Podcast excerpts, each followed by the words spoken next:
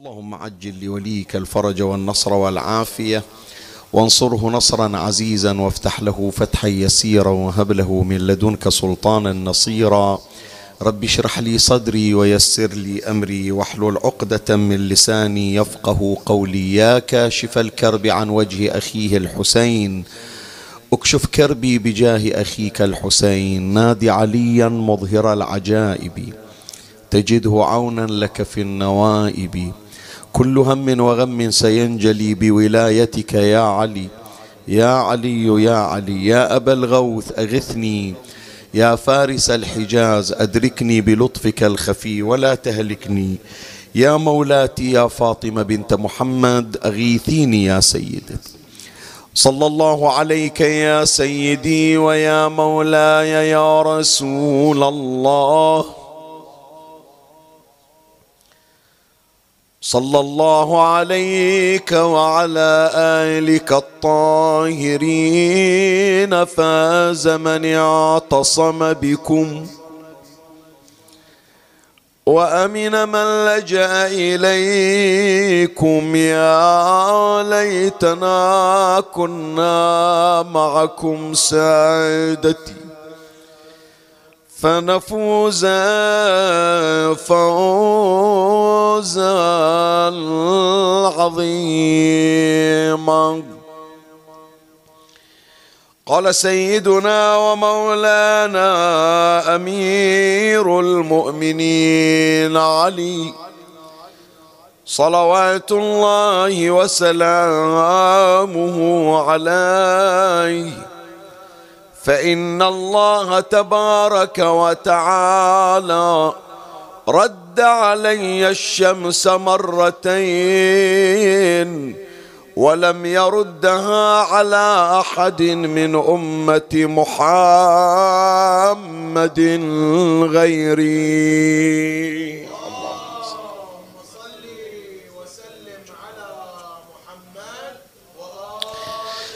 في كلام أمير المؤمنين سلام الله عليه هناك إشارة إلى أمور ثلاثة مهمة سوف أعرض إليها إن شاء الله في مدخل بحث هذه الليلة. أما الأمر الأول الذي أراد أمير المؤمنين سلام الله عليه أن ينوه إليه وأن يسترعي الاهتمام والانتباه أنه يشترك مع الأنبياء والأوصياء في خصلة من الخصائص التي امتاز بها بعض الأنبياء وبعض الأوصياء. وهذه الخصلة وهذه الصفة هي خصلة رد الشمس إليهم. هناك من الأنبياء الله تبارك وتعالى أرجع الشمس من مغربها إلى مشرقها كرامة لهؤلاء الأنبياء أو الأوصياء. مثلا نبي الله سليمان ابن داود عليه السلام. الله تبارك وتعالى أرجع الشمس إليه. نبي الله موسى ابن عمران على نبينا وآله وعليه وعلى سائر الأنبياء والمرسلين آلاف التحية وأزكى السلام. الله تبارك وتعالى أيضا أرجع الشمس إليه. من الأوصياء يعني مو نبي لكن وصي نبي يوشع ابن نون. يوشع ابن نون من الأوصياء الذين رد الله تبارك وتعالى عليهم الشمس من المغرب إلى المشرق. فأمير المؤمنين عليه السلام في هذا النص المتقدم يريد يقول بأنه أنا عندي خصلة من الخصال التي وهبها الله تبارك وتعالى إلى بعض أنبيائه. الخصلة التي أعطاها الله إلى سليمان أعطاها الله إلى موسى أعطاها الله إلى بعض أوصيائه كيوشع بن نون. هذه أيضا الله تبارك وتعالى أعطاني إياها. مو بس أعطاني إياها بنفس الحجم لا أنا أفوق عليهم. يعني سليمان ابن داود مو كل مرة ترد له الشمس مرة واحدة. موسى ابن عمران مو كل مرة ترد له الشمس مرة واحدة. يوشع ابن نون وهو محل إجماع عند المسلمين أن الشمس ردت إلى يوشع. ردت مرة واحدة ليس إلا. أنا لا أكثر من مرة. أكثر من مرة ردت الشمس لعلي بن أبي طالب سلام الله عليه فإذا هذا الأمر الأول المهم الذي أراد أمير المؤمنين أن يلفت انتباهنا إليه أن خصلة من خصال الأنبياء والأوصياء توفرت في علي بن أبي طالب سلام الله عليه يعني. طيب الأمر الثاني المهم من أمير المؤمنين عليه السلام قال فإن الله تبارك وتعالى رد علي الشمس كم مرة؟ مرتين. هل أمير المؤمنين محدد العدد؟ يعني أن الله تبارك وتعالى ميزني على غيري من الأنبياء والأوصياء. ذول الأنبياء والأوصياء مرة واحدة ردت لهم الشمس. أنت يا علي لا خليناك متميز عطيناك واحدة إضافية. فإذا مرتان ردت الشمس لعلي. أمير المؤمنين يريد يقول أن الشمس رجعت لي. من المغرب إلى المشرق مرتين فلهذا حصر العدد. أو لا أمير المؤمنين إلى قصد من تحديد المرتين. لا خلي في بالك وهذا ما نحاول إن شاء الله أنه إحنا نثبت في هذا البحث الشريف. أمير المؤمنين سلام الله عليه يقول إذا كان كل نبي وكل وصي محدد له مرة رجوع الشمس. يعني مو كل مرة يريد الشمس ترجع يكون ترجع. مرة واحدة منحها الله تبارك ولسبب ولدافع. فأنا الأمر مفتوح لي أي وقت أريد أن أرجع الشمس من المغرب إلى المشرق فذلك في متناول يدي. يعني بالنسبة للأنبياء والأوصياء خلاص مرة غير مرة ما يقدر يسويها. يوشع بن نون ما يقدر يكررها. هي مرة واحدة. علي بن أبي طالب لا. إرجاعه الشمس من المشرق إلى المغرب هذا بلا عد ولا حصر ووقت ما يشاء علي عليه السلام. إذا إيش معنى أمير المؤمنين عليه السلام؟ حددها في النص بمرتين مرتين من اجوا بعض العلماء ينظرون في هذا الحديث. وبالمقابل يشوفون روايات عديدة تشير إلى أن الشمس رجعت إلى علي عليه السلام. في عهد النبي صلى الله عليه وآله أكثر من مرة. فقط في عهد النبي. أكثر من مرتين. يعني شوف مثلا راح تمر علينا إحنا راح نجيب عينات مثلا في خيبر ردت الشمس لعلي بن أبي طالب. في المدينة أكثر من مكان ردت الشمس فيه إلى علي بن أبي طالب. مثلا شوف في المدينة الموضع الأشهر الذي ردت فيه الشمس لعليين يسمونه مسجد الفضيخ مسجد من المساجد معروف بمسجد الفضيخ ردت فيه الشمس لعلي. غير هذا المسجد أيضا أكو مسجد آخر يسمونه مسجد رد الشمس. هي المساجد بالقرب من مسجد قباء ها مكانين. ورسول الله صلى الله عليه وآله في منزله أيضا ردت الشمس لعلي عليه السلام. هي ثلاث بس في المدينة. في غزوة الخندق ردت الشمس لعلي بن أبي طالب. هي أربع صارت. شوف الشم واحدة أحسبها لك إذا تتذكرون شباب إخواني إذا تتذكرون أنا بين فترة وثانية آه، أفتح مجال لإقحام المستمعين في المجلس وأعرض هذا التساؤل حتى على أولادي من يحضرون بالمجلس. وأجيب هذا التساؤل كم مرة ردت الشمس لعلي؟ أقول لهم يلا إنتوا احجوا. بعضهم يقول لا عرفة مرة واحدة. خو أدري أن الشمس ردت لعلي. مرة واحدة. بعضهم يقول ما دام الشيخ سأل فإذا مو مرة. فيقول ثنتين. البعض على استحياء يقول ثلاث. ليش؟ يقول ما معقولة أكثر من ثلاث وإحنا ما سامعين. بينما مرات عديدة وعديدة مرارا وتكرارا ردت فيها الشمس لعلي عليه السلام. هذا تفضل في المدينة شوف كم مكان ذكرنا. النبي بعد بيته ردت الشمس لعلي والنبي في بيته. في مسجد الفضيخ في مسجد الشمس في غزوة الأحزاب يعني عند المساجد السبعة. هي أربع أماكن بس في المدينة. في خيبر هي خمس أماكن. في منطقة بين مكة والمدينة الآن اسمها عسفان سابقا يسمونها كراع الغميم. ردت الشمس فيها لعلي بن أبي طالب. غير العراق أكثر من مرة وإحنا بنحاول أنه نتعرض إلى بعضها. ففقط سبع تسع عشر مرات بعضهم يقول إلى سبعين مرة ردت الشمس. بعضهم هالشكل يقول أنه مواضع ومواقف أكثر من سبعين مرة ردت فيها الشمس. فأمير المؤمنين سلام الله عليه من حدد مرتين قال ردت الشمس كما قال فإن الله تبارك وتعالى رد علي الشمس مرتين. اختار من هي المرات أبرز المرات. أشهر الحالات أشهر الحوادث إلا المسلمون لا يستطيعون إنكارها.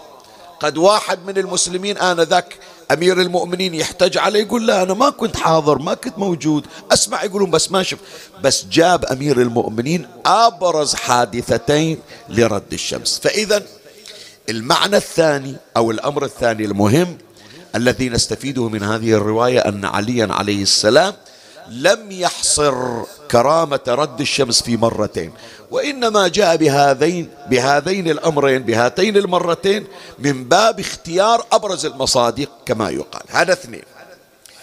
ثلاثة بعد هذه الحالة يعني بعد رحيل رسول الله وبعد تصريح أمير المؤمنين صلوات الله عليه هو قال أن الله رد علي الشمس مرتين.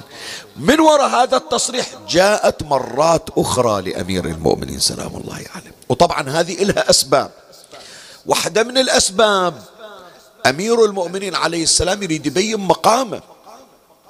لو تلاحظون يا إخواني من نجي نقرأ أغلب المرات اللي رجعت فيها الشمس لعلي عليه السلام كان في العراق. ليش في العراق تحديدا؟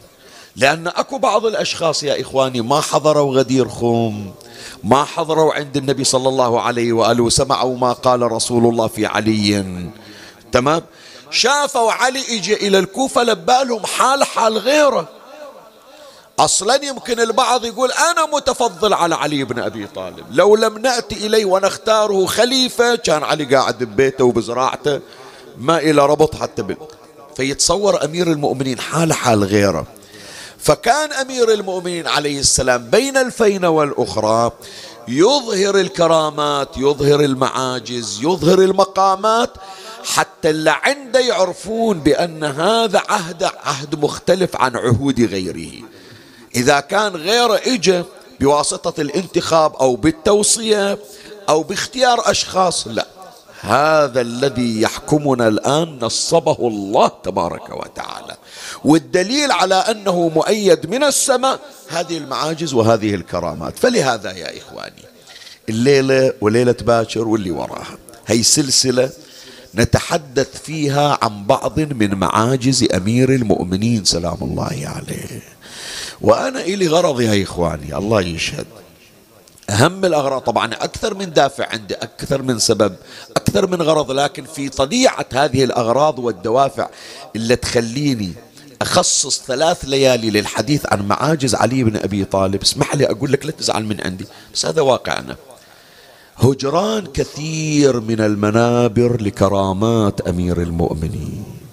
سلام الله عليه. وقت من الأوقات يعني إحنا عشنا في حقبة زمنية لا يكاد يمر علينا مجلس يخلو من فضائل أهل البيت.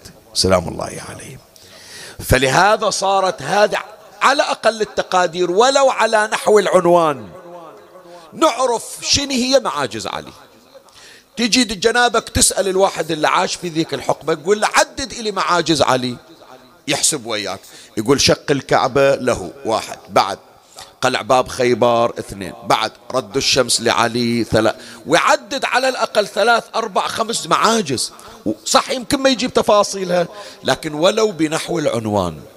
خاف يجي يوم يا جماعة أولادنا ما سامعين عن شيء اسمه رد الشمس. ومن يسمعون علي قلع باب خيبر لبالهم باب اعتيادي مثل باب الألمنيوم أو باب الخشب. فهذه الكرامات وهذه القضايا والتي هي معاجز شوية ما يخالف يعني حتى أتجاوز الآن المدخل وأطب المجلس أطب البحث. شنو الفرق بين المعجزة وبين الكرامة؟ بعض من علمائنا يقول إحنا دائما على المنبر نقول هذه من كرامات علي والمفترض نقول لا هذه من معاجز علي. شنو الفرق بين الاثنين؟ بين معجزة وبين كرامة. كرامة هي فضيلة هذه. كرامة فضيلة من الفضائل منحها الله تبارك وتعالى لأمير المؤمنين لإظهار شأنه. تصير حتى لغير المعصوم تصير حتى لغير النبي والوصي. ولي من الأولياء مولاتي زينب عندها كرامة لو ما عندها. مولاي العباس عنده كرامة لو ما عنده. الطفل الرضيع عنده كرامة. الطفل أبو ستة أشهر إلى كرامة دم ما نزل من السماء. بس أمير المؤمنين سلام الله عليه للذي ينكر حقه والذي ينكر مقامه والذي ينكر أهليته. هذه مو مجرد فضيلة تبين مقام علي وإنما معجزة علي يتحدى بها كل من يريد أن يسلم حقه.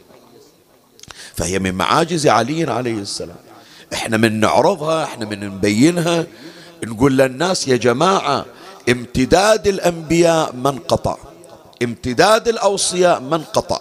المعاجز اللي نسمعها ونقراها عن موسى عن عيسى عن سليمان عن داود عن إبراهيم عن نوح كل هذه المعاجز توفرت في محمد وآل محمد صلوات الله عليهم أجمعين.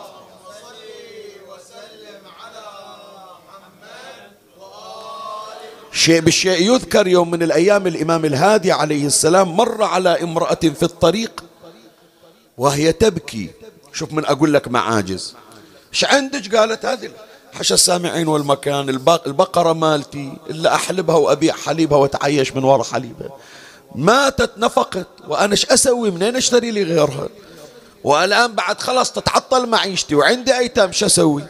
الإمام الهادي عليه السلام قال والله ما كانت بقرة بني إسرائيل بأعظم على الله من آل محمد. هي بقرة بني إسرائيل وأكبر سورة بالقرآن والمسلمون إلى الآن إلى الآن يذكرونها. حتى يبينون شنو البقرة؟ بقرة يذبحونها ومو بكل البقرة ببعض البقرة. ذيل البقرة ضربوا به جنازة الشاب المذبوح الإسرائيلي قام. وهي هذه البقرة لا نبي لا وصي كذا. مجرد بقرة ذابحينها شنو هي البقرة تصير أعظم على الله عز وجل من أهل البيت؟ فلهذا قال ما كان والله ما بقرة بني إسرائيل بأعظم على الله من آل محمد. ركل الإمام الهادي عليه السلام تلك البقرة فقامت بإذن الله كرامة لعلي بن محمد صلوات الله عليه. يعني.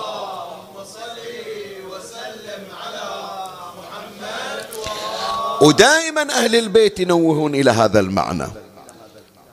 فاطمة مولاتي لما طلعت والله ما ناقة صالح بأكرم على الله مني وما الفصيل بأكرم على الله من ولدي الحسن والحسين.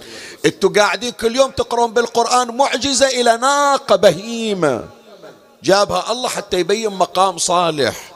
شنو هذه البهيمة؟ عندها شأن عند الله أكرم من آل محمد؟ مستحيل. المعاجز اللي تسمعونها موجودة إلى الآن عند أهل البيت عليهم السلام. فمن هنا هذه الليالي الثلاث أريد أنه بعض من المعاجز الخاصة بأمير المؤمنين سلام الله عليه يكون نبثها ننعش هذه المجالس. مر علينا الملائكة تنزل في مجلس تذكر فيه فضائل أمير المؤمنين سلام الله عليه. هي واحدة من عدها للتيمن للتبرك. ثانيا نريد نلقن أولادنا. هم ننعش الذاكرة هم نحرك المياه الراكدة وهم أولادنا يحفظون معاجز أمير المؤمنين وكرامات علي بن أبي طالب عليه السلام. فبحثي لهذه الليلة أول حلقة من سلسلة من معاجز الإمام علي عليه السلام وهذه الليلة مختصة ببحث رد الشمس وأبحث هذا الموضوع في فصلين اثنين. ومن الله أستمد العون والتوفيق. ومن مولاي أبي الفضل العباس المدد. وألتمس منكم الدعاء وثلاثا بأعلى الأصوات. صلوا على محمد وآل محمد.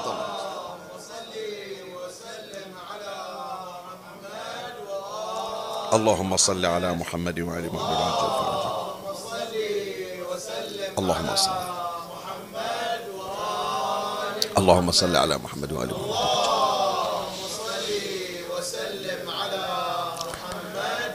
مولاي الكريم أنت حيثما كنت اسمعني وفرغ لي قلبك وأعرني سمعك وأقبل علي بكلك. أخبرتك بأن بحث هذه الليلة يشتمل على فصلين اثنين. أما الفصل الأول إشكالات حول رد الشمس. لو تلاحظون يا إخواني كثير اسمح لي يعني أنت بنفسك فتش وشوف. يمكن فعلا هناك من المتكلمين المتحدثين من الخطباء من يعرض على المنبر معاجز أمير المؤمنين سلام الله عليه. يعني. لكن من يوصل إلى رد الشمس يتوقف. فلهذا يا إخواني لاحظوا متى آخر مرة إحنا سمعنا عن قصص رد الشمس؟ مو العنوان أنه ردت له الشمس. لا لا لا. أحكي لك عن التفصيل. أحكي لك واحد يجيب لك قصة رد الشمس مثل ما يجيب لك قصة قلع الباب. متى سمعنا آخر مرة؟ قليل. ليش يا جماعة؟ أكل بعض عنده تحفظ. منشأ التحفظ ما هو؟ ما يقول أنا أنكرها. لا لا معاذ الله. هذا هو من عشاق علي ومن عشاق مناقب علي. بس يقول على المنبر أخاف أحكي قصة رد الشمس. ليش؟ قال لأنه النفوس مو كل النفوس تقبلها. حتى خلي سالفة النفوس المغرضة المعادية لا هذا بنحكي عنهم. بس لو يسمعون غير المسلمين يقول تعال هذول شلون يفكرون بأي عقيل؟ عندهم برؤوسهم أدمغة وعندهم شنو؟ شنو شمس ترجع من المغرب إلى المشرق؟ فالعقول ما تتحمل. فهذا يقول أنا طيب ليش أروح أدور لي على معاجز؟ العقول ما تقبلها. خو أدور لي على بعض الأشياء اللي يقبلها العقل يقبلها الذوق. فمن هنا يا إخواني في هذا الفصل راح نبين بعض الإشكالات اللي خلوها على خصوص معجزة رد الشمس. أول إشكال إشكال كوني. شنو يعني إشكال كوني؟ خلي أبين لك. يجي بعضهم يقول لي شيخ انت تعرف أنت من تقول الشمس ردت لأمير المؤمنين عليه السلام. تدري هذا شنو يعني؟ شنو يعني الشمس ردت؟ خو الشمس ما تتحرك. مو شكل درسونا بالمدارس؟ الشمس ثابتة والكواكب تدور من حولها. وهذه المجموعة من اللي يعبرون عنها بمجموعة درب التبانة كلها تتحرك إلى نقطة مجهولة. والشمس تجري لمستقر لها. طيب. فأنت من تقول الشمس ردت هي الشمس مو هي اللي رجعت. وإنما المراد أن الكرة الأرضية توقفت عن الدوران. هذا معنى رد الشمس. بالعين المجردة تشوف الشمس وقفت ورجعت إلى الخلف. بالطريقة الفيزيائية بالطريقة الديناميكية بالطريقة الواقعية لا. هي الكرة الأرضية اللي تفتر اللي تدور توقفت عن الحركة ثم عادت للدوران بشكل عكسي. ومن قامت تدور بشكل عكسي الشمس عوض أنها تطلع من المشرق وتنتهي إلى المغرب. صارت شلون؟ من المغرب إلى المشرق. فهم ما يعرفون قصة حركة الكرة الأرضية. فقال لك هذه الشمس كانت طالعة من الشرق رايحة إلى الغرب تحولت من الغرب إلى الشرق.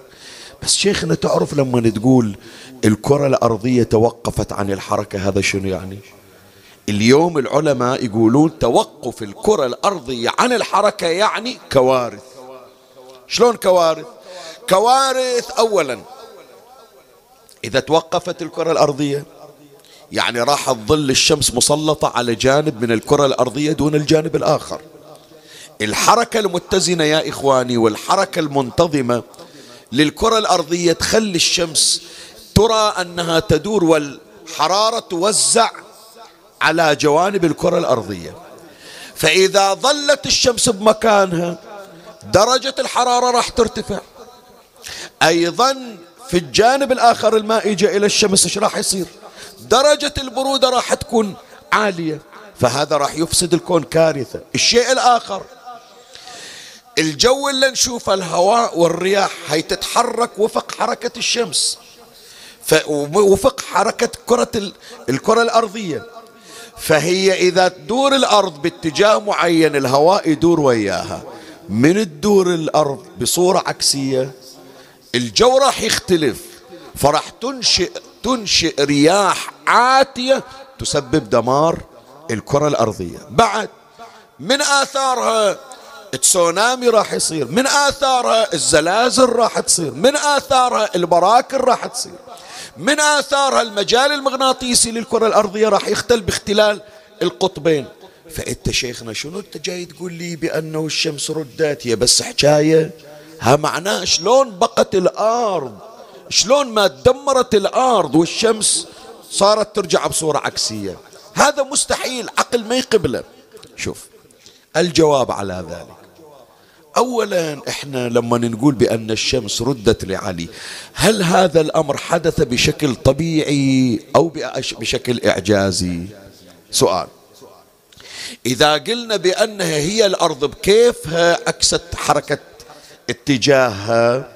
فاذا الأمر طبيعي وبالتالي لازم هي الكوارث اللي تحكي عنها راح تصير. بس لما تقول إعجازي إعجازي يعني منه؟ يعني بقدرة من؟ بقدرة الله تبارك وتعالى. والقادر الذي يريد أن يحدث أمرا إعجازيا لابد أن يوفر الظروف لإتمام المعجزة. ما يجيب معجزة بكوارث؟ بدليل نبينا محمد صلى الله عليه وآله.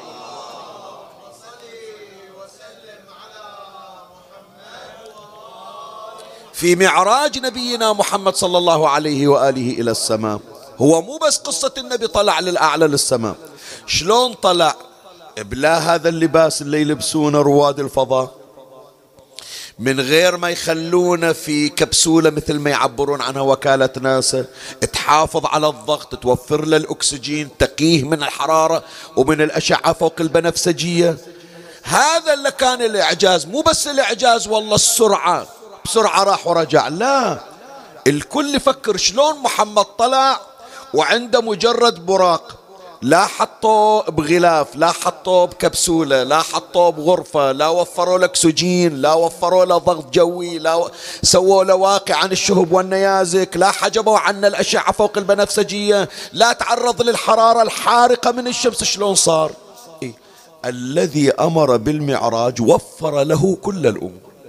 فكذلك أيضا يا إخواني الذي رد الشمس لعلي بن أبي طالب هو الذي حفظ الكرة الأرضية من أي أمر آخر يهددها. وإلا لو ردت الشمس صارت الكوارث ما صارت معجزة.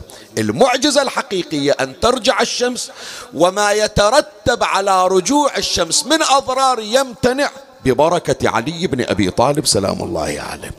اللهم صل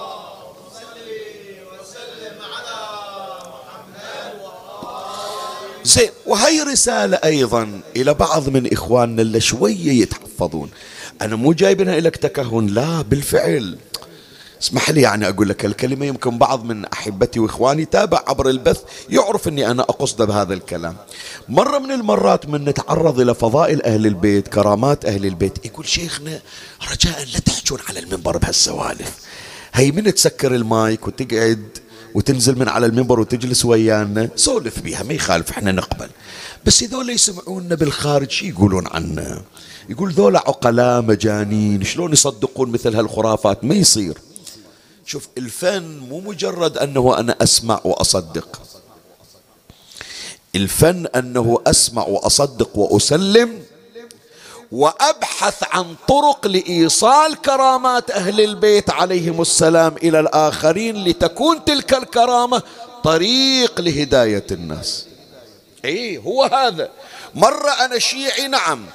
كل ما أقرأ من فضائل علي أتقبل وأتعبد به وأتمسك بعمير المؤمنين أكثر وأكثر. مره لا.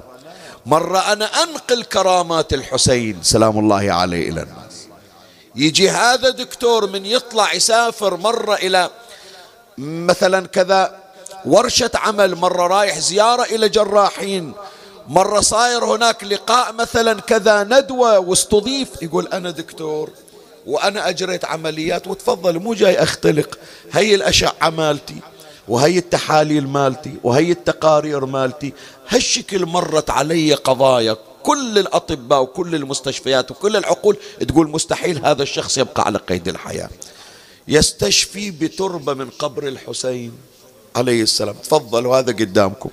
هذا مريض هاي تقاريره. تفضلوا قولوا شو تقولون؟ هل هالحالة المرضية إيش تحكمون عليها؟ قالوا نحكم عليها أنها فارقت الحياة. فارقت الحياة؟ هذا المريض اللي عالجته الآن خمس سنين ست سنين في أي تم عافية في موفور صحة لأنه تبرك بالحسين وتوسل إلى الله بعلي بن موسى الرضا عليه السلام. فهذه القضايا يا إخواني أصحاب الشهادات أصحاب العقول يصيرون طريق إلى ترويج مبدأ أهل البيت وإلى عظمة الإسلام.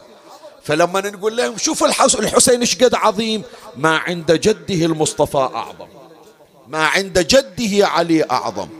والذي سيخرج في آخر الزمان من أولاده سيكون أعظم وأعظم. يوم يا إخواني تعالوا شوفوا. لا نستثك... لا نستثك... لا نستثقلها ولا نستكثرها اليوم تروح إلى أوروبا يا جماعة. يروح إلى الهند. يجي له واحد هندوسي. يسوي له علاج بالمساج ببعض الزيوت. ووديه إلى بعض المعابد. ويطيب يعتقد بذيك الديانة الهندوسية. شايف؟ يروح إلى الصين يروح إلى مثلا كذا شرق آسيا يودونه إلى راهب من الرهبان. ما أدري شو يسوي له من الطقوس. يعتقد يقول هذا دينهم حق هذا شافاني من المرض. إحنا يا إخواني ديننا مو قائم على الخرافات. لا دين متصل بالله تبارك وتعالى. وهذه رحمة الله عز وجل. الشفاء وإن مرضت فهو شنو؟ يشفيني. هذه من عند الله. الشفاء نازل من عند الله. صار ال package مال الشفاء صار الوعاء مال الشفاء. صار المستودع مال الشفاء عند محمد وآل محمد صلوات الله عليه.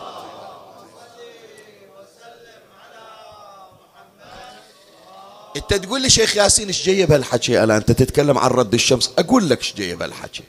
فلما يطلع واحد يقول لي أنا ما أجيب قصة رد الشمس على المنبر أو يسمع واحد جايب قصة رد الشمس لعلي بن أبي طالب يقول لا تجيبونه الناس ما تريد تصدق. ليش تنسبون الخرافات إلى الدين؟ ويطلع إلى تقرير من وكالة ناسا ومن مجموعة من المعاهد والجامعات والدكاترة يقول إحنا الآن في وضع الكرة الأرضية على وشك التوقف عن دورانها ثم تتحول إلى دوران عكسي. وما هي إلا سنوات يسيرة وسنرى الشمس قد خرجت من المغرب إلى المشرق. تالي ذيك الساعة شوف اسمعني إيش أقول لك عمي حط بالك.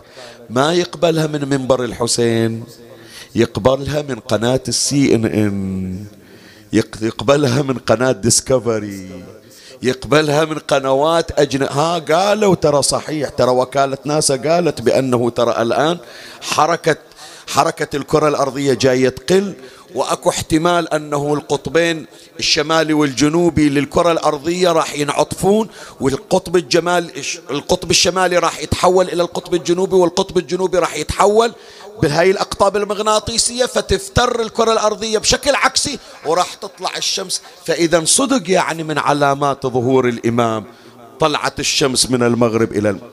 صدقناها من شيخ ناسا إيه من سيد بي بي سي من ملا Discovery.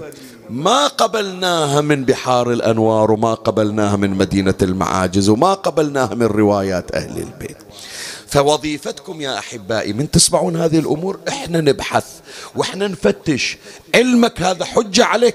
كيف تنقل هذه الكرامات وهذه المعاجز إلى الآخرين وتبحث عن التبريرات التي تهيئ العقول لتلقيها وتقبلها؟ فإذا الإشكال الأول على قصة رد الشمس الإشكال الكوني أجبنا عليه.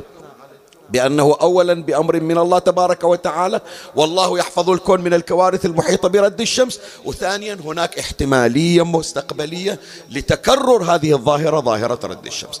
الإشكال الثاني قال شيخنا أنا ما إلي علاقة الكون شي يصير بي أنا ما أعرف القضايا. بس أنا عندي إشكال شرعي. شنو الإشكال الشرعي؟ يقول إيه؟ إشكال شرعي الشمس ليش رجعت إلى علي؟ السبب أن اللي خلى الشمس ترجع إلى علي بن أبي طالب شنو؟ مو الشمس حتى أمير المؤمنين يقوم بالصلاة في وقت العصر بمجرد أن ترجع الشمس. هو مو بس علي بن أبي طالب أشر على الشمس ورجعت. ها شفتوا الشمس رجعت؟ يا الله رجعي مكانك. لا مو هذا. علي عليه السلام أشار للشمس فعادت فقام وصلى. فذولا من يجون يقرون هالقضايا يقول شيخنا إحنا ما نأخر الصلاة. إحنا ننتظر وقت الصلاة. علي بن أبي طالب يأخر وقت الصلاة شلون يصير؟ فأنا ما عندي مشكلة أنا أعرف أهل البيت أهل المعاجز بس ما أقبل أن علي أخر صلاته. زين الجواب على ذلك يا إخواني. الجواب على ذلك في أمرين. أما الأمر الأول من رجعة الشمس إلى موضعها الأول. علي صلى خارج الوقت لو في الوقت. شوية تأمل بعدين جاوب.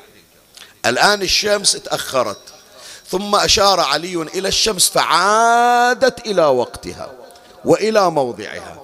فمن عادة الشمس وعلي صلى صلى بوقت متأخر لو بأول الوقت. لا هو أول الوقت. يعني تماما مثل ما تقول الآن الأذان عندنا الساعة ستة وثلث. الساعة ستة علي الشر على على الشمس. رجعت كأنما الساعة صارت 12 إلا ثلث. فالصلاة صارت بأول الوقت لو بآخر الوقت. بأول الوقت فإذا الإشكال ينتفي. إرجاع الوقت إذا الحكم لا زال باقي. زين هذا أمر. ثم أنت تقول لي وسبب التأخير ليش علي ما صلى من صارت من صار وقت الصلاة؟ راح تمر علينا في الفصل الثاني. هناك بعض الأمور التي منعت عليا أن يبادر لأسباب راح تمر علينا. ومع ذلك فإن عليا لم يصلي وقد تأخر الوقت. هذا اثنين. ثلاثة. إحنا عندنا أمير المؤمنين سلام الله عليه ميزان الأعمال. ميزان قبول الأعمال. فصلاتي أنا ما صليت سواء بأحسن طهارة بأحسن قراءة في أول الوقت لا تقبل إلا بولاية منه بولاية علي بن أبي طالب. فإذا هذا الرد للشمس زاد اليقين في علي بن أبي طالب. شلون صارت الصلاة؟ اللي يصلون شي يصير؟ يصير عندهم باعتقاد أكثر لعلي عليه السلام. فمفعول الصلاة وأثر الصلاة بالولاية الذي هو أصل يكون الفرع فرع الدين خادم لأصل الدين وهو الولاية. هذا بالنسبة للإشكال الشرعي. قلنا بأن علي أولا لم يصلي خارج الوقت. وعلة التأخير لأسباب سوف يأتي ذكرها. ثم أراد علي عليه السلام أن يقيم ويبين مقام ولي الله الذي به تقبل الصلاة وتقبل العمل. هذا الإشكال الثاني. الإشكال الثالث والأخير. قال شيخنا أنا لا أعرف هاي سالفة الأمور العلمية ولا أعرف سالفة الأمور الفقهية. غير أنت تقول الشمس ردت لعلي؟ إيه ردت الشمس لعلي. زين. ردت الشمس بس في المدينة الشمس تطلع بس لأهل المدينة. لو تطلع على الكرة الأرضية الناس كلها يشوفونها. إيه قطعا الشمس مو مو كل ديرة عندها شمس بروحها. الشمس هذه للجميع. قال زين فإذا الشمس ردت لعلي في المدينة أو في العراق إلا بأمريكا إلا بأستراليا إلا بالهند شافوا الشمس رجعت لو ما شافوها. حتما شافوها زين إذا شافوها إيش معنى ما موجود؟ في التاريخ واحد سولف قالوا ذيك السنة رجعت الشمس واضح الإشكال شلون يا جماعة؟ الإشكال يسمونه إشكال تاريخي. ليش شيخنا من نجي إلى الموسوعات التاريخية ما نسمع بأن الشمس قد ردت؟ إذا هي صدق على قولتكم بأن الشمس ردت لعلي وأكثر من مرة فإذا حتما الشمس يكون الكل شافوها راجعة من المغرب للمشرق فأصحاب التواريخ راح يذكرونها. هذا مو دليل يا إخوان. ليش؟ لأن أقول لك التاريخ تعرض إلى التزوير وإلى الضياع. منو قال كل شيء صار في التاريخ تسجل؟ ثم منو قال إذا القضية بس لعلي بن أبي طالب الشمس رجعت لسليمان ابن داود؟ منو ذكر بأن الشمس رجعت لسليمان؟ زين. خلي أمير المؤمنين سلام الله عليه. يعني. ما عدنا من أبرز معاجز نبينا محمد صلى الله عليه وآله.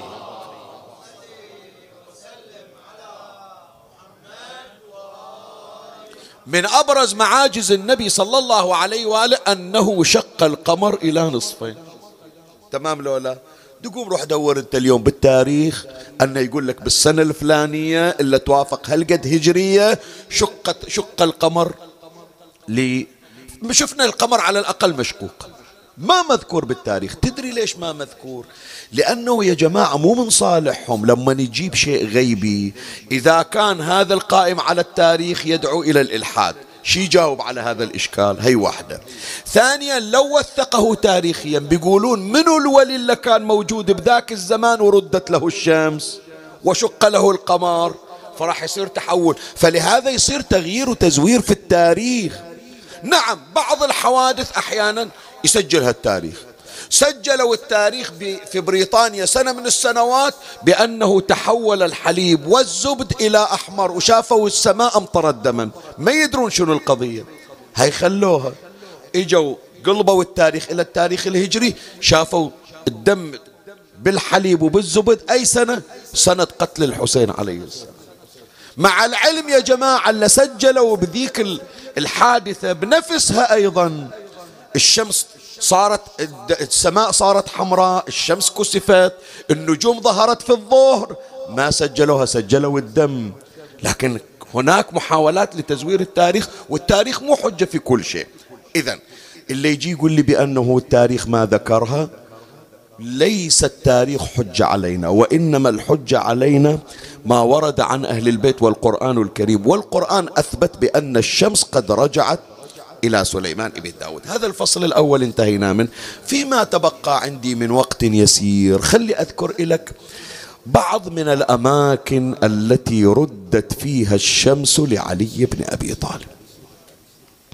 من نجي ناخذ الروايات يا جماعة نكتشف بأن الشمس رد ردت لعلي في زمن النبي في المدينة. وردت لعلي في زمن النبي خارج المدينة. وردت لعلي بعد رحيل رسول الله صلى الله عليه وآله في العراق. من المجموع ما أقدر أذكرها إلى كل هذا أحتاج إلى وقت أطول من المتاح. بس خلي أذكر لك ثلاث شواهد. أما الشاهد الأول وهو الذي أشار إليه أمير المؤمنين وهو أكثر القضايا شهرة.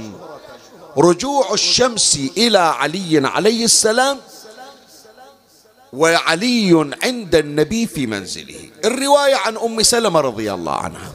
قال إن قالت إن النبي صلى الله عليه وآله كان ذات يوم في منزله وعلي عليه السلام بين يديه إذ جاءه جبرائيل عليه السلام يناجيه عن الله سبحانه. فلما تغشاه الوحي توسد فخذ أمير المؤمنين عليه السلام فلم يرفع رأسه حتى غابت الشمس. شوية خلي أوقف وياك عد هالعبارة. هي واحدة من أسباب أن علي لم يصلي في أول الوقت. لو أنا بمكان أمير المؤمنين وين أنا علي؟ أنا لي أن أصل إلى مكان علي عليه السلام. بس إحنا نجيبها فرضية. لو أنا بمكان أمير المؤمنين والنبي صلى الله عليه وآله نزل عليه الوحي وراد أنه يوسد رأسه. ما حصل إلا فخذي أو فخذك. وصار رأس النبي بحجرك. وحضر وقت الصلاة. أيهما تقدم؟ الصلاة أو رأس النبي؟ انت فكر فيها قد واحد يقول لا شيخنا الصلاة صلاة عمود الدين. هي عمود الدين. لكن الدين كل الدين من هو؟ رسول الله صلى الله عليه وآله. إذا أنت بتحسبها بحساباتك يقول خو أشير رأس النبي أخليه على كتر أوقف أصلي. علي يقول أنا فداء لرسول الله. وهذا وحي نازل على رسول الله ومحمد سيد الكائنات وأنا من الكائنات وهو سيد لي والعبد في خدمة سيدي. فلهذا أمير المؤمنين لم يحرك رأس رسول الله صلى الله عليه وآله. شوف قال فلم يرفع رأسه عنه حتى غابت الشمس فاضطر أمير المؤمنين عليه السلام لذلك إلى صلاة العصر يعني الوحي مستمر إلى صلاة العصر. جالسا يومئ بركوعه وسجوده إيماء يعني دخل بالصلاة فقط إيماء ما يقدر يركع لأن رأس النبي بحجرة. فلما أفاق من غشيته قال لأمير المؤمنين عليه السلام أفاتتك صلاة العصر؟ قال له لم أستطع أن أصليها قائما. أنا صليت لكن جالس بالإيمة لأن رأسك بحجري لم أستطع أن أصليها قائما. لمكانك يا رسول الله والحالة التي كنت عليها في استماع الوحي. فقال له ادعو الله. شوف حط بالك. هي تحتاج من عندك إلى صلوات علوية حارة. ادعو الله ليرد عليك الشمس حتى تصليها قائما في وقتها كما فاتتك. فإن الله يجيبك لطاعة لطاعتك لله ورسوله. فسأل أمير المؤمنين عليه السلام فسأل أمير المؤمنين عليه السلام الله عز اسمه في رد الشمس؟ فردت عليه حتى صارت في موضعها من السماء وقت العصر. فصلى أمير المؤمنين عليه السلام صلاة العصر في وقتها ثم غربت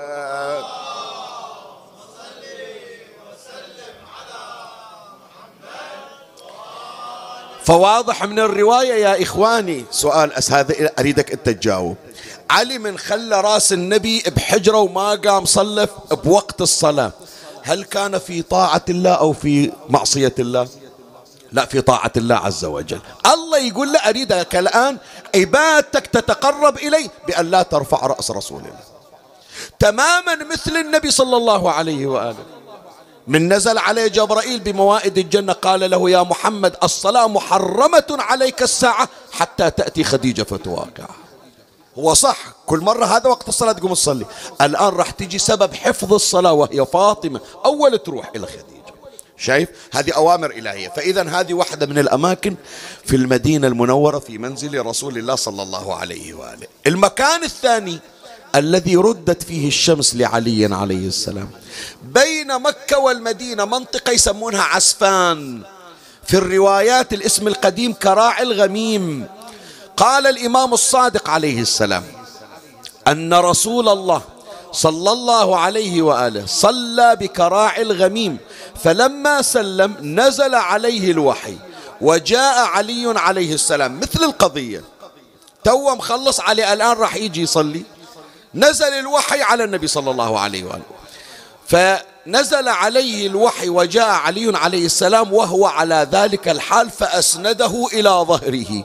فلم يزل على تلك الحال حتى غابت الشمس. بعد مو بصلاة العصر. لا راح الوقت كله. والقرآن ينزل على النبي صلى الله عليه وآله. فلما تم الوحي قال يا علي صليت؟ قال لا.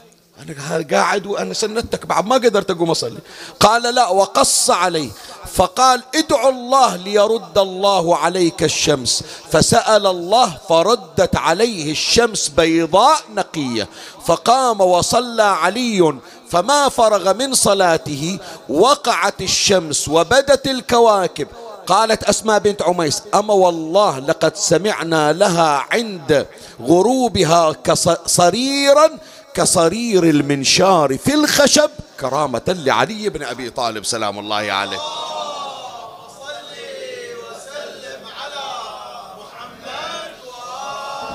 كم مكان الآن ذكرنا؟ اثنين. واحد بالمدينة واحد بين مكة والمدينة. زين المكان الثالث وين؟ بالعراق. ردت الشمس لعلي. مو مكان واحد أكثر من مكان. فلهذا إذا الله أعطانا وإياكم روحة العراق. كم مكان يا جماعة من مواضع رد الشمس لعلي؟ خلي أحسبها وياك. هي بس بالعراق. تروحون جنابكم إلى بغداد.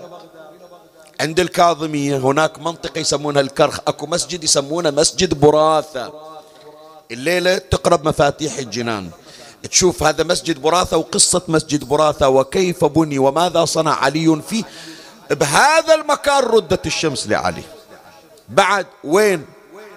بالحلة وهو أبرز مكان هذا اللي راح نذكره. رجعت الشمس لعلي بن أبي طالب عليه السلام. أكو منطقة هناك يسمونها قطارة علي. تطلع من كربلاء تروح إلها يسمونها قطارة علي. ردت الشمس فيه لعلي بن أبي طالب سلام الله عليه. يعني. أكثر من مكان. مرة وعلي راجع من معركة صفين مرة وعلي راجع من معركة النهروان. هذه أكثر الأماكن شهرة اللي الآن موجود اللي رايحين الحلة أهل الحلة يسمعونا. هناك مسجد رد الشمس لعلي بن أبي طالب سلام الله عليه. أشار إليه السيد بن طاووس رضوان الله على روحه الطاهرة. مسك الختام هي رواية الختام نقرأها. عن جويرية ابن مسهر. قال أقبلنا مع أمير المؤمنين عليه السلام بعد قتل الخوارج. حتى إذا صرنا في أرض بابل حضرت صلاة العصر. فنزل أمير المؤمنين عليه السلام ونزل الناس. فقال أيها الناس إن هذه الأرض ملعونة وقد عذبت من الدهر ثلاث مرات. وهي إحدى المؤتفكات مناطق ينزل عليها العذاب يسمونها المؤتفكات هي واحدة من عدها وهي أول أرض عبد فيها وثن وإنه لا يحل لنبي أو وصي نبي أن يصلي بها. فأمر الناس فمالوا إلى جنبي الطريق يصلون. قال لهم أكو حكم إلى الأنبياء والأوصيان مناطق هذه ما يصلون بها. أنتوا لا أنبياء ولا أوصياء. فتوخروا عن هاي المنطقة صيروا على كتر. وصلوا أنا ما راح أصلي لأن أنا وصي النبي وراح أتجاوزها وأصلي. هذا جويرية يصلي. إيه، إيه، هذا جويرية يسمع شي يقول أمير المؤمنين. يقول شفت وركب بغلة رسول الله صلى الله عليه وآله فمضى عليها. قال جويرية فقلت والله لأتبعن أمير المؤمنين ولأقلدنه صلاة اليوم. باكر أقول الله أنا تابعت علي بن أبي طالب. أنت قايل لنا نتابع علي. إذا صلى صليت. ما صلى أخليها برقبته. اسمع. فمضيت خلفه فوالله ما جزنا جسر ثورة حتى غابت الشمس. بعد الوقت طلع علي ما صلى. يقول صار بقلبي على علي بن أبي طالب.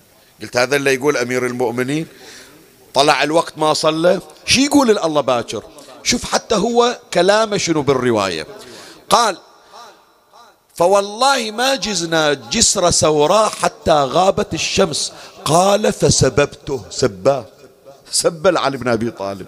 يعني كان يقول طاح من عيني يعني. قال فسببته أو هممت أن أسبه. قال فالتفت. وقال جويرية. قلت نعم يا أمير المؤمنين. قال فنزلنا يعني قال له أنا مو ما أدري عنك أعرف إيش قايل بقلبك. بس راح أراويك هذا اللي توك تريد السبة الآن شوف إيش راح يسوي. قال جويرية فقلت نعم يا أمير المؤمنين. قال فنزل ناحية فتوضأ ثم قام فنطق بكلام لا أحسبه إلا بالعبرانية. ثم نادى بالصلاة قال فنظرت والله إلى الشمس وقد خرجت من بين جبلين لها صرير فصلى العصر وصليت معه فلما فرغنا من صلاتنا عاد الليل كما كان فالتفت إلي فقال يا جويرية إن الله تبارك وتعالى يقول فسبح باسم ربك العظيم وإني سألت الله سبحانه باسمه العظيم. فرد علي الشمس.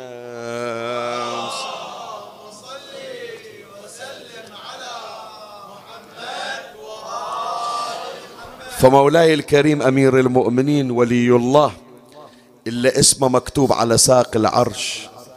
صعب على الله يخلي الشمس بإيده يوديها ويجيبها وين ما يريد يأشر هو الكون كله لو كان له عروة لقبضها علي بيده. زين أنا أحكي وياك أبو حسين.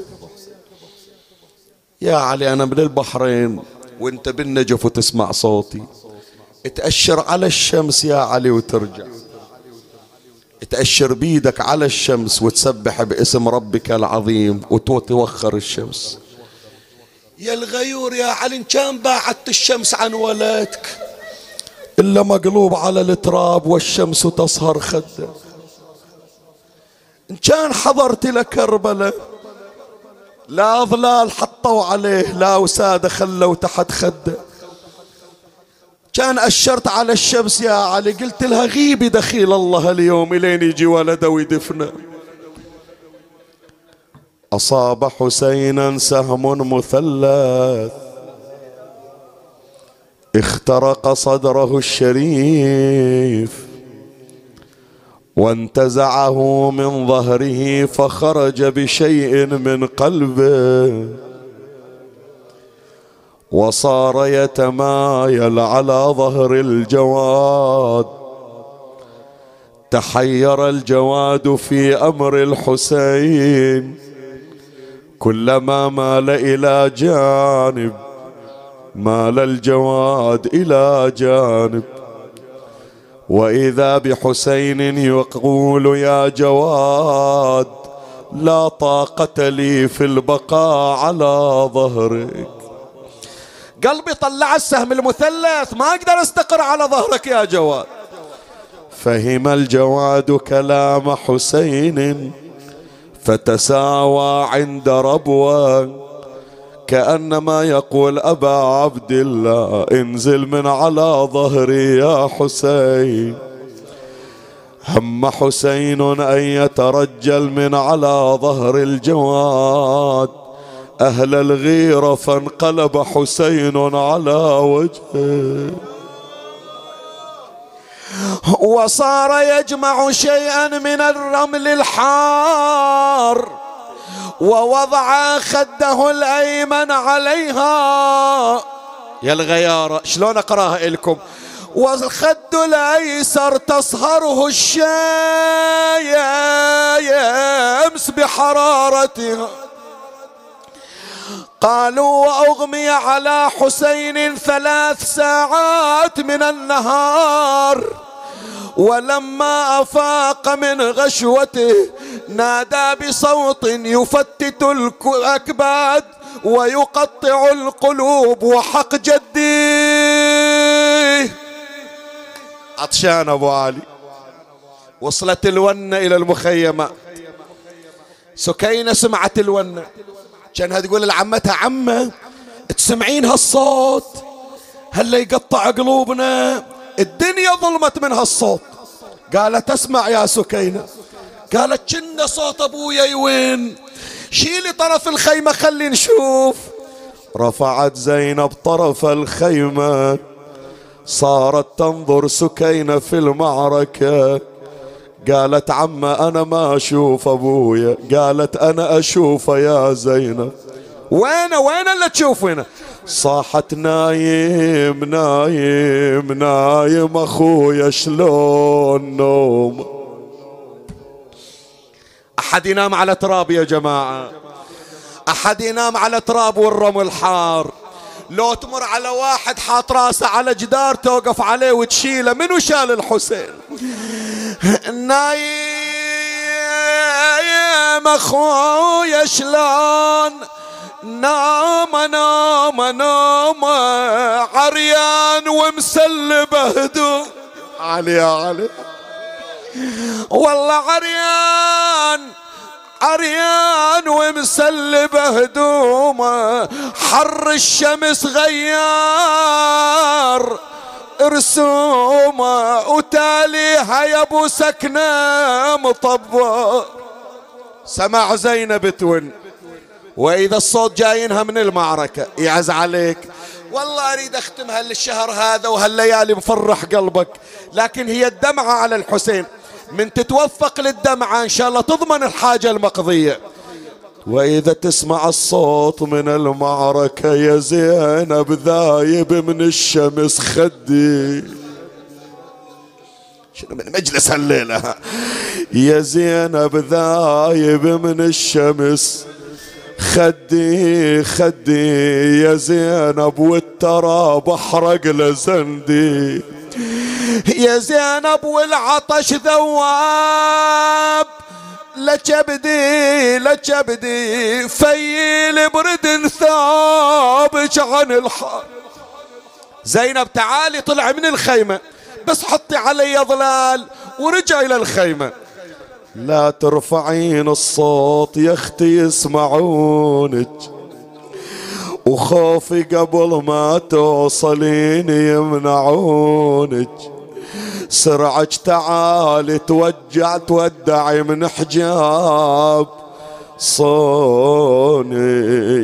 عوينك الله شيبت راسك هالاطفال يا زينب؟ المسامحة يا حسين ما أقدر الجية ليش؟ أمشي بلي قناع ما ترضى علي. أما تجي لا تندب العباس لي. حرمة وهجمة ليل ما يخفاكم الحال. سكينة ما قدرت تقعد. قالت عم لو بس أشوف أبويا. ترى يوم جاني الخيمة ما مداني اضمه وأقبله. قام يمسح على رأسي وطلع عني. خلي أروح له بس أشوف أتودع من عنده. وخرجت زينب ومعها سكينة. ووصلت وإذا بحسين مقلوب على وجهه. بعد أكثر من هذا ما أقرأ غير هالبيتين ما عندي. صاحت سكنة سكنة يا عم خلني قعدة وما بيني وبينك نسندة. بل كتيفك عينة وننشدة. أي جرح ما ذيه مضهدة. اسمع تقلها يا عم شلون قعده وسهم الذي واقع بكبدة. يا علي يا علي. بكبده أثار الخرز ظهرة تعد أنعم جوابا يا حسين. أما ترى شمر الخنا بالصوت كسر أضلعي فأجاب زينب وهو يحفص في الثرى. قضي القضاء يا زينب فاسترجعي خويا على حسابك تعلمت النياحة. لا تقول زينب مستراحة.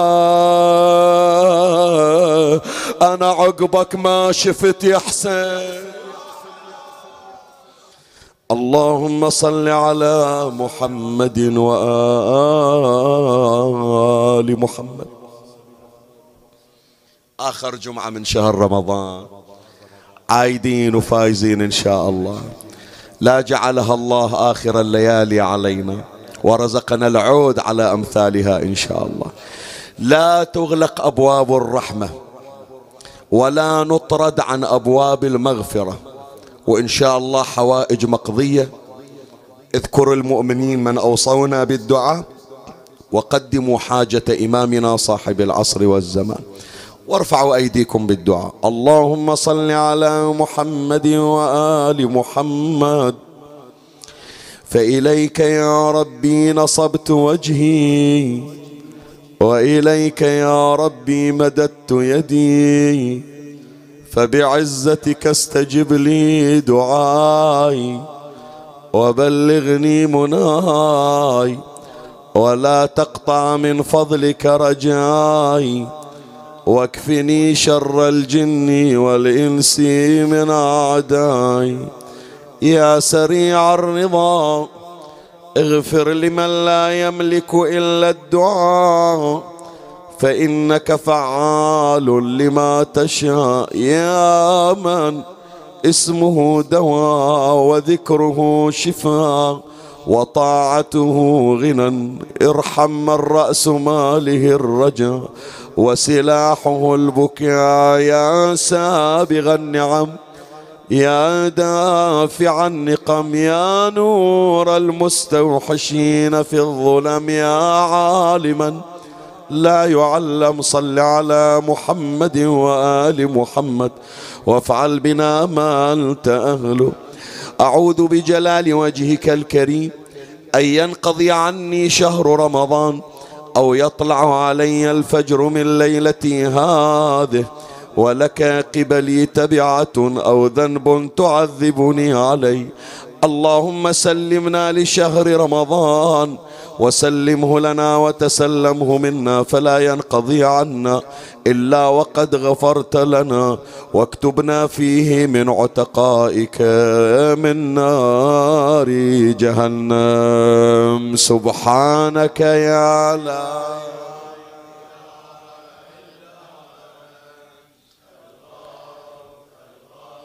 خلصنا من النار يا رب خلصنا وخلص والدينا وذوي الحقوق علينا ومن وجب حقه في أعناقنا.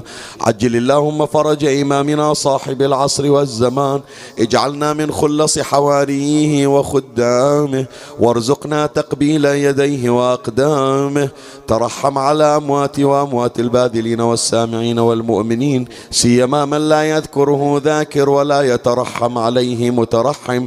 أو وصل لهم جميعا ثواب هذا المجلس الشريف وبلغهم ثواب الفاتحة مع الصلوات.